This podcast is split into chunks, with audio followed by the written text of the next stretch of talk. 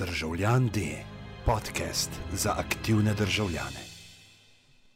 Welcome to, to yet another, uh, I'm going to stop saying that now, to yet another uh, international edition of uh, Citizen D podcast. Uh, we're recording this on the 27th of October, and you're listening it to the at the 15th of uh, November. Um, we I think we haven't had we had one episode with two guests in in the past, and this is another one of of those episodes. Um, they're both coming from from the same uh, let's say NGO um, called uh, Privacy International, and we're joined today by uh, Dr. Ilia Siatitsa and uh, Caitlin Bishop from Privacy International, and the topic today is uh, Palantir. So first, uh, welcome both to to the show. Um, Palantir is um, is a is a I guess you could call it a, a, Silicon Valley startup that focuses on on the big data economy. Uh, it started as a as a spin-off from the the PayPal uh, mafia from uh, Peter Thiel and and other uh, other um, I guess you could call them actors in in this area but has recently expanded into different areas of big data. So uh, at first it was focused on handling or figuring out fraudulent transactions on, on PayPal, but is now expanding into other areas, including including the, the health data, and has recently been uh, been entering the European Union uh, area as well. So we thought it would be a nice um, or an important topic to, to cover before they, they come barging through the through the front door. And my first uh, my first question for, for both of you, starting with, with Ilia, would be how do you how do you frame Palantir? What when you when you when you're discussing uh, when you're discussing this topic with your let's say colleagues and friends, what's the first thing you think people should know uh, when when talking about uh, Palantir? Um, well, the first thing people should know uh, about Palantir is that there is a lot that we don't know about Palantir. Mm. And uh, I'm going to let um, Caitlin elaborate in a, in a minute a little bit more on what we don't know. And I will just give a little bit more of what we know about the at least the origins of the company and where it's uh, where it has now on in the UN's front in a way for which it's mostly known at the moment. So Palantir, as you've mentioned already, is a Silicon uh, Valley well startup. Uh, it was founded in 2003. Uh, I'm not even sure when we stopped calling them startups. um, uh, it's um, a company uh, who borrowed its name from the Lord of the Rings, a, a stone that sees everything, and uh, it has gained reputation for secrecy. Mm. And uh, one of the things it is uh, the company's most known, uh, the company supplies um, sales data integration and other analytics platforms. And it has, at the moment, contracts with uh, many US government agencies, including the Department of Defense, the Department of Justice, the Department of Health and Human Services, the Securities and Exchange Commission, the Department of State, Agriculture, Commerce, and the Department of Homeland Security. And uh, through its venture capital branch uh, In-Q-Tel, the US Central Intelligence Agency, CIA, uh, invested in Palantir as a startup. Um, the most known uh, contract uh, has been that uh, the its contract with the US um, US with ICE the mm-hmm. US Immigration and Customs uh, Enforcement Agency, uh, mm-hmm. where the company uh, reportedly built and helped to play, uh, deploy a data analysis platform called Investigative Case Management System. Uh, the uh, platform, according to reports, allows agents to query multiple databases at one time, as opposed to agents being required to perform the same search across dozens of more databases. Mm. And uh, you must have noticed there that I've used reportedly a couple of times because there is so little information about what exactly their tool um, uh, exactly does, their platform. Mm-hmm. And that uh, allows me to just throw the ball back to Caitlin to say a little bit more about um, the company's um, opaqueness and secret. Mm. Caitlin? So, so I think the, the main consistent thing about Palantir is their refusal to um, kind of be transparent or release any superfluous information. Um, and to be fair, it's the same thing with the governments and companies that Palantir has been working with. Um, it's really difficult to get kind of specific details about contracts that Palantir has with other people. Um, and you know, to an extent, that makes sense if you're talking about company to company business. But when it comes to government contracts, it's deeply, deeply troubling that it's so difficult to get hold of detail.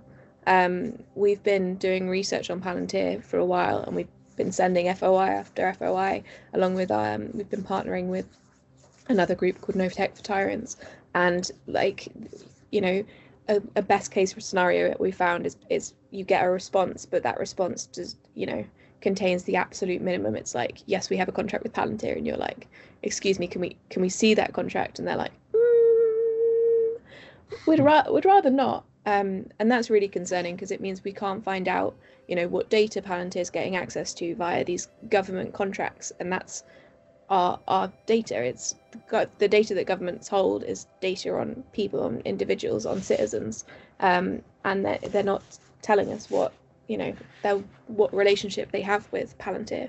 Um, what we have found out and is persistent across Palantir contracts is their use of something called improvement clauses. Um, and you know, there's one in their contract with the National Health Service. I think there's one with their contract in their contract with the U.S. Department of Defense, um, and it's a clause that says basically uh, we're going to take all of the data that you give us or you process through our platform um, and use it to improve the platform, which is a familiar kind of it's familiar language from anyone who's looked at kind of a privacy policy or cookies or anything like that because quite often companies say you know we're using your data to make our service better. Um, but the thing about what palantir is doing is um, they're processing data that people often don't know about it it's coming through governments and they're using it to train their algorithms that again we don't really know what they do or what they are. Um, and they're gaining competitive advantage out of it which means their contracts are often worth a lot more to palantir than they're getting paid for them mm-hmm. um, but again we can't find out what protections are involved we can't find out you know how much of the data sticks around in what form um, and it all comes back to the lack of transparency and the lack of scrutiny that is caused by the lack of transparency. Um, so I think that's the really the fundamental concern with Palantir and kind of on its heels the fundamental concern with these kind of partnerships between public bodies like you know government departments and and private companies. Uh, they have like if they if governments are going to outsource any part of their operations, then those kind of outsourcing contracts and deals need to be available to the same scrutiny as normal government operations. It's unfair and unreasonable that governments should be able to escape scrutiny and accountability by outsourcing, if that makes mm. sense. Oh, and Could, yeah, sorry, just go. No, uh, I just wanted to add exactly on the um, importance of transparency in public-private partnerships. Uh, it is it is important for the citizens uh, to know what exactly their their taxes are used for, and exactly with Palantir contracts, we hardly have any information, so we don't know what exactly their products can or cannot do, and we are paying for it, and it makes a huge difference if their products can already ma- uh, like uh, actually uh, do what they promise, which is really to analyze and to uh, bring data together and to consolidate into one platform, or that it's actually citizens' data that it's used to train their product to reach the potential they promise that they may or may not deliver. Mm. If I can follow up first with, with Caitlin. So, why is this transparency around public private partnerships, uh, governments, and, and uh, Palantir?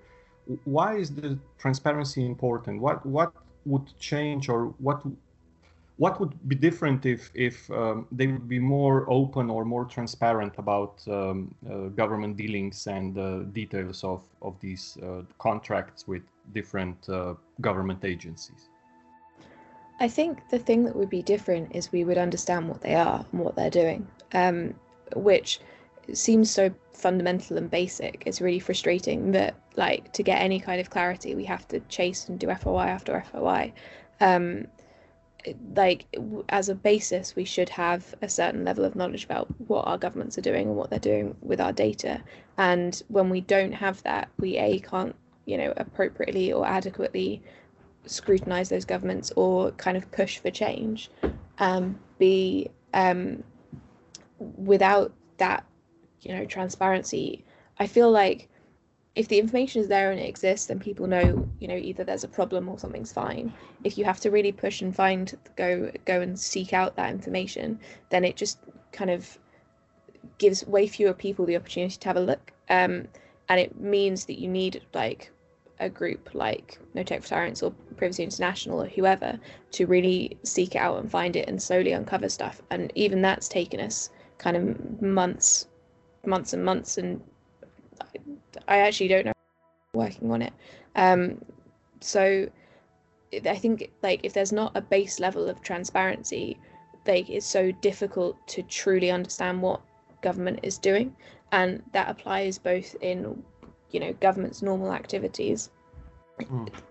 Which we kind of elect them to do, and to be fair, broadly, like normal government operations are governed by certain kind of laws about disclosure about certain things um, you know and there is a i would say higher level of normal a higher level of transparency and normal kind of standard government operations that exist within government than there are with these kind of public private partnerships whereby whether it's the police or in the UK the National Health Service or kind of any part of the government um, in the UK they've also got contracts with the Ministry of Defence with the Cabinet Office um, and potentially through the Cabinet Office they're going to have some contracts around kind of new immigration systems and borders.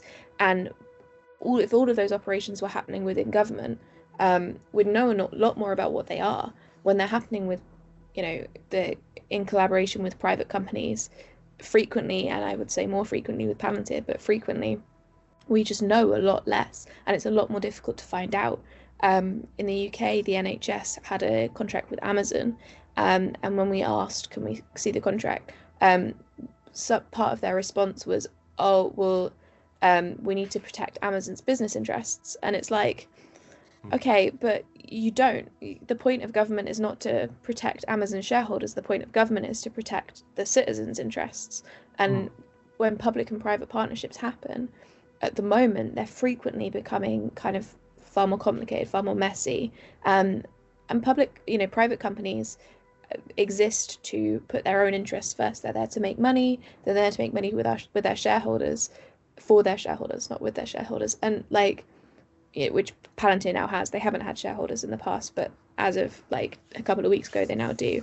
But they're not there to put public interest first. And I don't think that's unreasonable, but government is. And so when they outsource to companies, it's really, really important that we understand the details and what they're there for so that we can ensure that the public interest is still the overriding kind of concern and not, you know, competitive advantage for a particular company.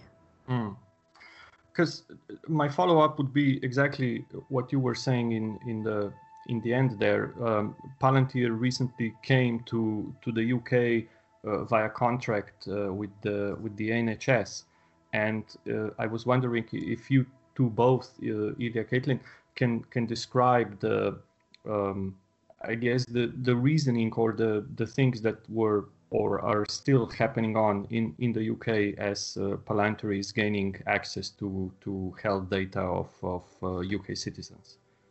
Yeah, so the Palantir's contract with the NHS is actually quite interesting because it was one of kind of a series of coronavirus contracts. It was part of kind of the National Health's attempt to kind of respond to coronavirus. So Palantir run, I think, the front end of their coronavirus data operations.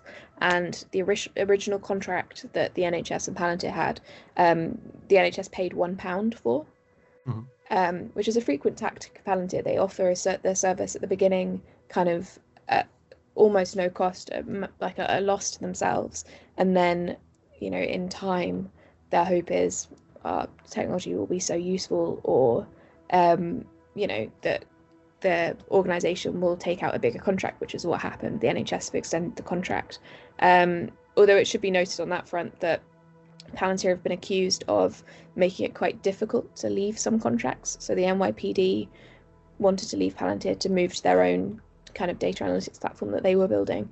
And they said, can we take, you know, the I think it was the um, analyses that happened with their data. So it wasn't the underlying data; it was um, kind of what they'd learned from that data. Um, and Palantir basically said, you can have it, but you can you can't have it in a format that is readable to any other software. Um, so it can be quite difficult to leave these contracts. But anyway, sorry. So the NHS um, and Palantir's relationship started with coronavirus and in that kind of initial rush to respond. Um, but Palantir have been spreading out all over the UK. They've got contracts with various police forces, um, kind of where po- predictive policing is getting attention. You kind of see Palantir's head pop up. So they um, had some sort of trial with the Met Police. Um, they've got an ongoing relationship, I think, with uh, Avon and Somerset Police. So various different individual police forces across the UK have a relationship with Palantir.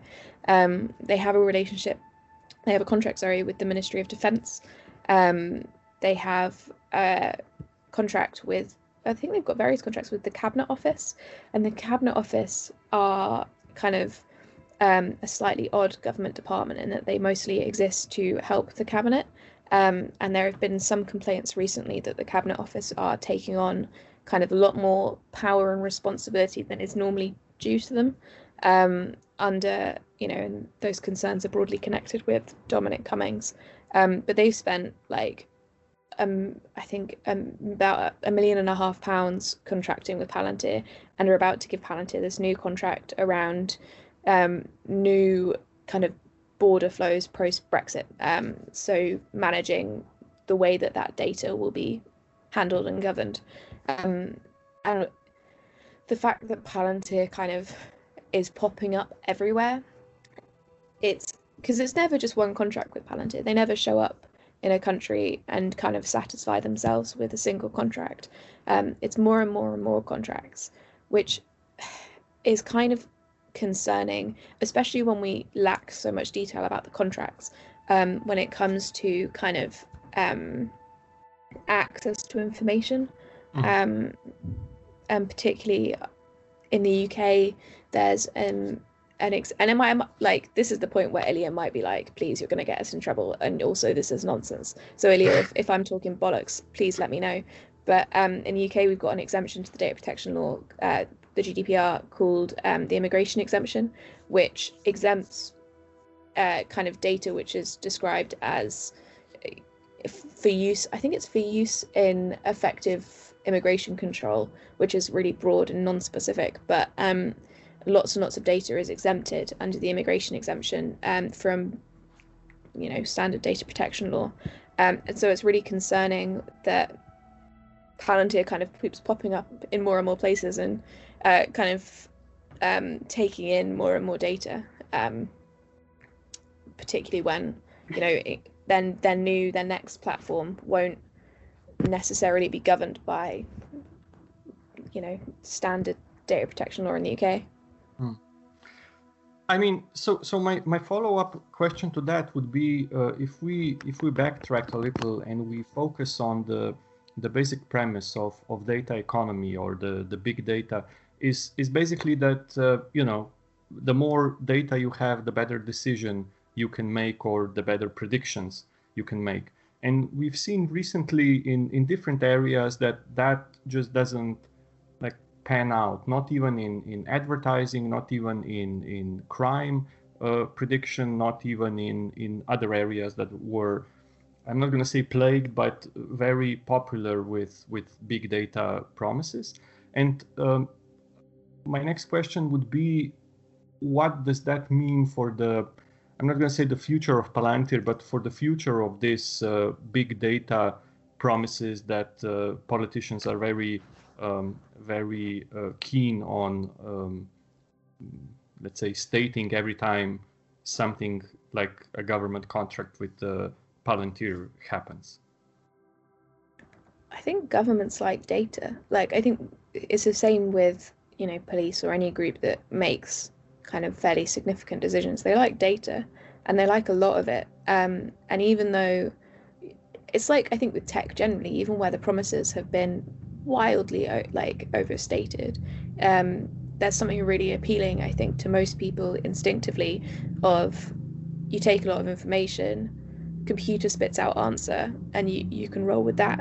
Um, and it's based on the premise that, you know, that if you have enough information or if you know the computer is built good then you get an objective answer. But there is no such thing as objective answers in data science or in um, you know tech. There is no objective thing because everything in both data science and, and in processing and in computing is built by people and people have biases and pe- people have kind of short-sightedness and all sorts of problems. Um, and and they're the people that build things, and they often build things, you know, and they build in those biases and those issues, like mm. again and again and again. It's, it's the consistent thing we've seen, um, and it, I think it's a pattern through history to kind of take machine says X as an objective truth. Um, it's why you know weird things take off and history looks back at them and goes wait one second.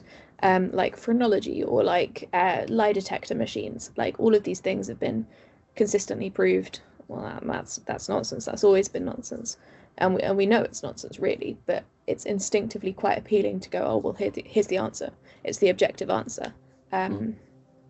you know and i understand it psychologically. It, it's comforting.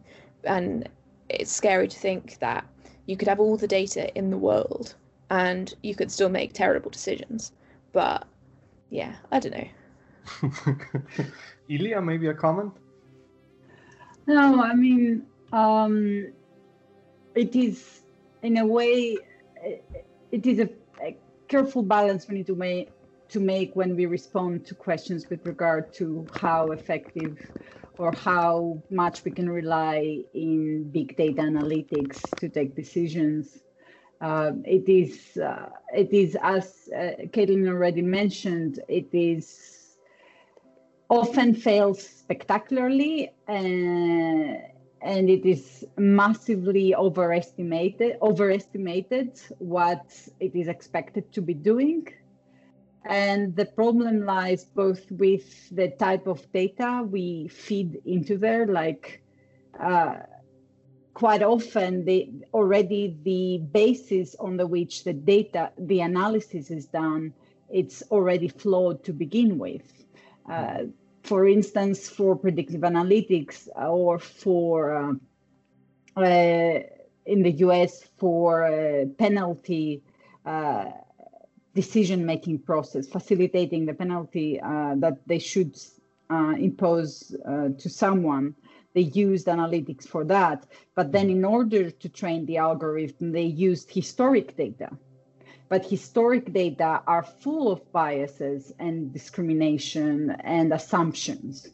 Mm. So, to use this data to then make a decision and to base then a future decision actually um, becomes a self-fulfilling prophecy mm-hmm. if you collect data from a specific neighborhood because you know that there's been a high rate uh, crime there then it makes sense that then if you continue report on that neighborhood, then that neighborhood will have crimes while you will be uh, reported there. But while then you might have completely ignored the crimes committed on the neighborhood next door because maybe it's crimes you didn't think that they were worth putting into predictive analytic systems or reporting, or because you ignored reports or because you didn't ask uh, reports on those.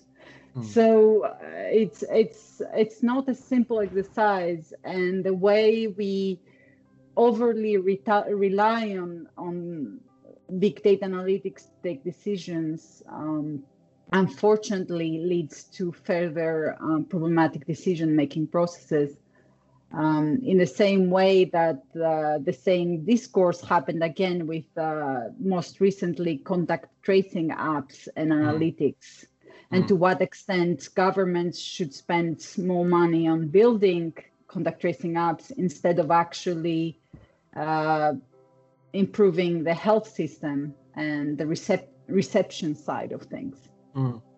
I mean, now that you mentioned the, the COVID pandemic and and uh, Palantir, uh, how do we, what can we expect further down the road from relationships uh, like the uh, let's say the um, the British government has with with Palantir now? So one of the one of the main pitches uh, that we've heard about recently from this uh, from this partnership was exactly you know we're gonna we're gonna solve the the COVID pandemic for you by basically a lot of Excel That's spreadsheets. That's gone so well.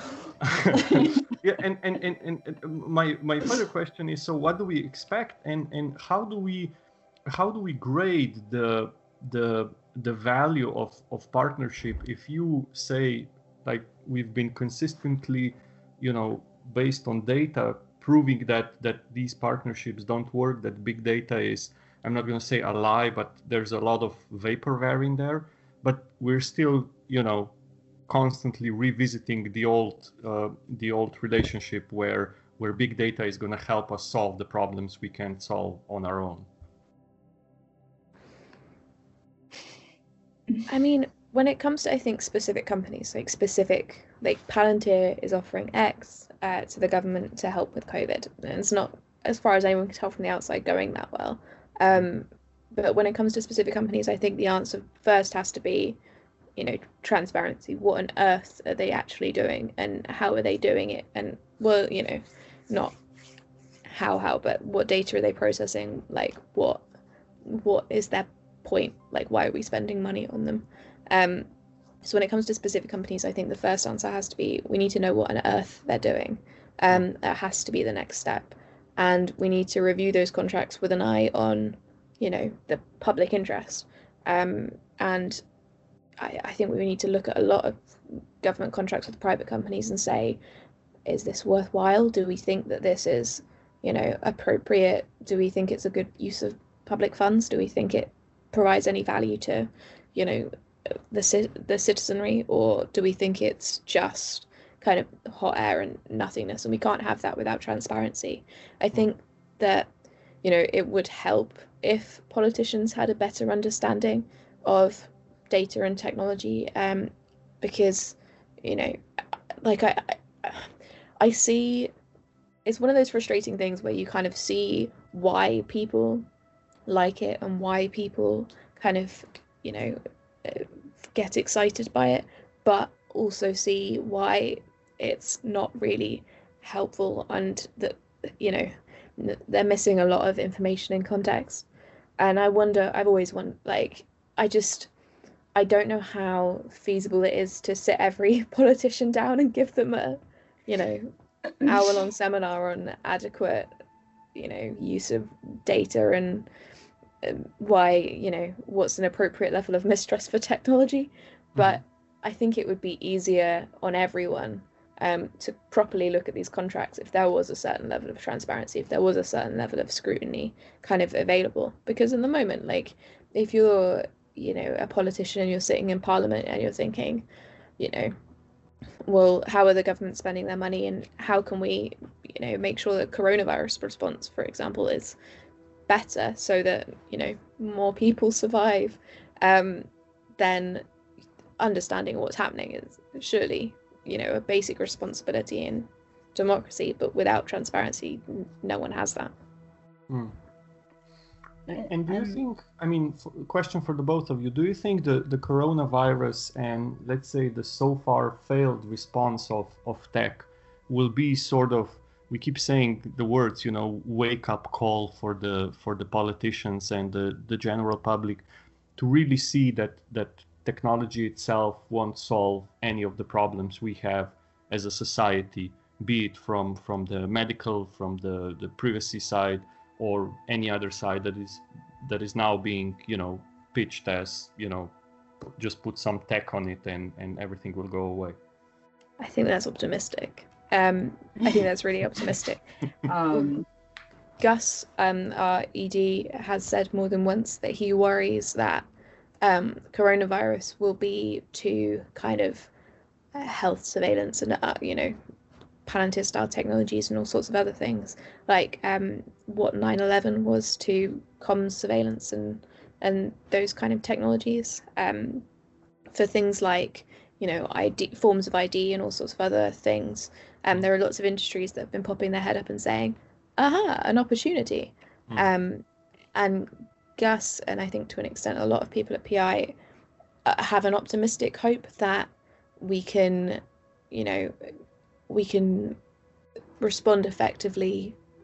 It's a very optimistic hope to COVID and use those technologies that are helpful and smack down those technologies that are popping their head up with a kind of very commercial, oh, this is an opportunity for us response. Um, a lot of them are saying, ah, our platform is the perfect, you know, it's the immunity passport you never knew you needed. And it's like, when did you build it? And they're like, 10 years ago. It's like, mm.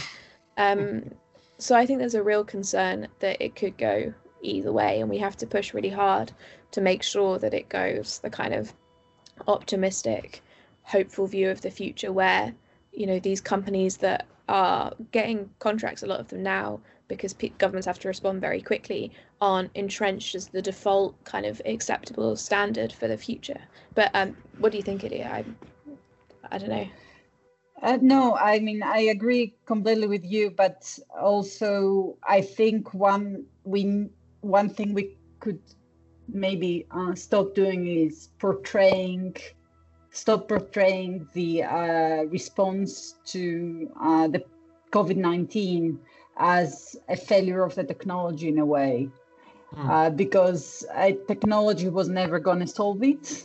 And over and it's been a mistake from the companies over promising that they can do it and politicians rushing to uh, endorse the solutions offered by tech companies as um, their primary response to the pandemic. Mm-hmm. As a promise that they will solve it, and then an overconfidence by the entire humankind that somehow it's thanks is uh, what is going to offer uh, the ultimate response in a way. There are so many um, layers to and so many different factors that play a role on why there's been a, a failure to a certain degree in, in some countries less in some countries more with regard to how to respond mm-hmm. to the recent crisis uh, that uh, it's it's I, i'm afraid it's often overly simplistic to just question why why the technology failed Mm. Uh, the technology was probably never meant to be working as it was promised to begin with. So there's mm. millions other problems around it mm. that uh, we need to be questioning as well. Hmm. So, so we're we're not slowly wrapping up, but we're heading into the last uh, third of, of the of the episode. And I was just curious about your thoughts on the on the future of not only the the Palantir relationship with with governments, but generally speaking, with these types of, of partnership coming from the US to European Union, um, which are you know being sort of unwanted export, right? So they had their their playgrounds in in the US for for quite a while, and now they're they're slowly but surely moving. Uh, moving into into the old country, so to speak. and I was just curious to to hear, you know, how do we, as citizens, as consumers, uh, address them or put them into context so that decision makers and, uh, let's say, um, uh, public uh, representatives will see that you know it's not all shiny golden tech that solves everything, but there's a lot of uh, a lot of problems, a lot of issues to to discuss and to to hammer down before we implement something like that in in a system that is, let's say, the NHS or or something similar. Um, well, before answering your question directly, uh, let's uh, be clear. Um, Palantir is already in Europe. Mm. I mean, it, it its name gained prominence because um, of their promise to and them claiming that they have contracts with various governments to access health data for processing and analysis in response to the pandemic. And it's also true that uh, France, Germany, Austria chose uh, to develop their own uh, tools and not uh, to use the Palantir program, their product to develop their corona tracing apps. Mm-hmm. But uh, in the meantime, Palantir um, has multiple other contracts in Europe already, including a contract uh, with Europol, a contract with the European Aviation Agency EASA, contracts with various police forces around uh, EU member states, including Germany. Um, we know for sure um, France, Italy, Norway, Denmark. Uh, these are our only, uh, we can only assume, but these are only fragments of contracts there have been reports on. Mm. Um, so remaining vigilant and be aware to look into places beyond the COVID contracts is uh, definitely a first step. Mm. But uh, what else to do? I'll leave it to Caitlin. I mean, you'll never get. I think it comes back to transparency, which mm. is, uh, you know, you need to know. People need to know and to be able to find out very easily uh, who their government was working with and on what basis. Like Palantir isn't going to stop trying to get contracts with governments. Uh, contracts with governments make up an increasing amount of their kind of portfolio. Like they've massively increased for Palantir and in value from pa- for Palantir in the past couple of years from like six seventy million to 1.2 billion dollars. Like it's a huge basis of their value. Um, so Palantir isn't going to stop you know seeking out those contracts although um yeah no i won't say that because that will get me in trouble but um like i think it's like a really fundamental part of democracy that you know which companies you know your government is working with and you know what they're doing. Um and, and when we don't have that we lose a huge amount.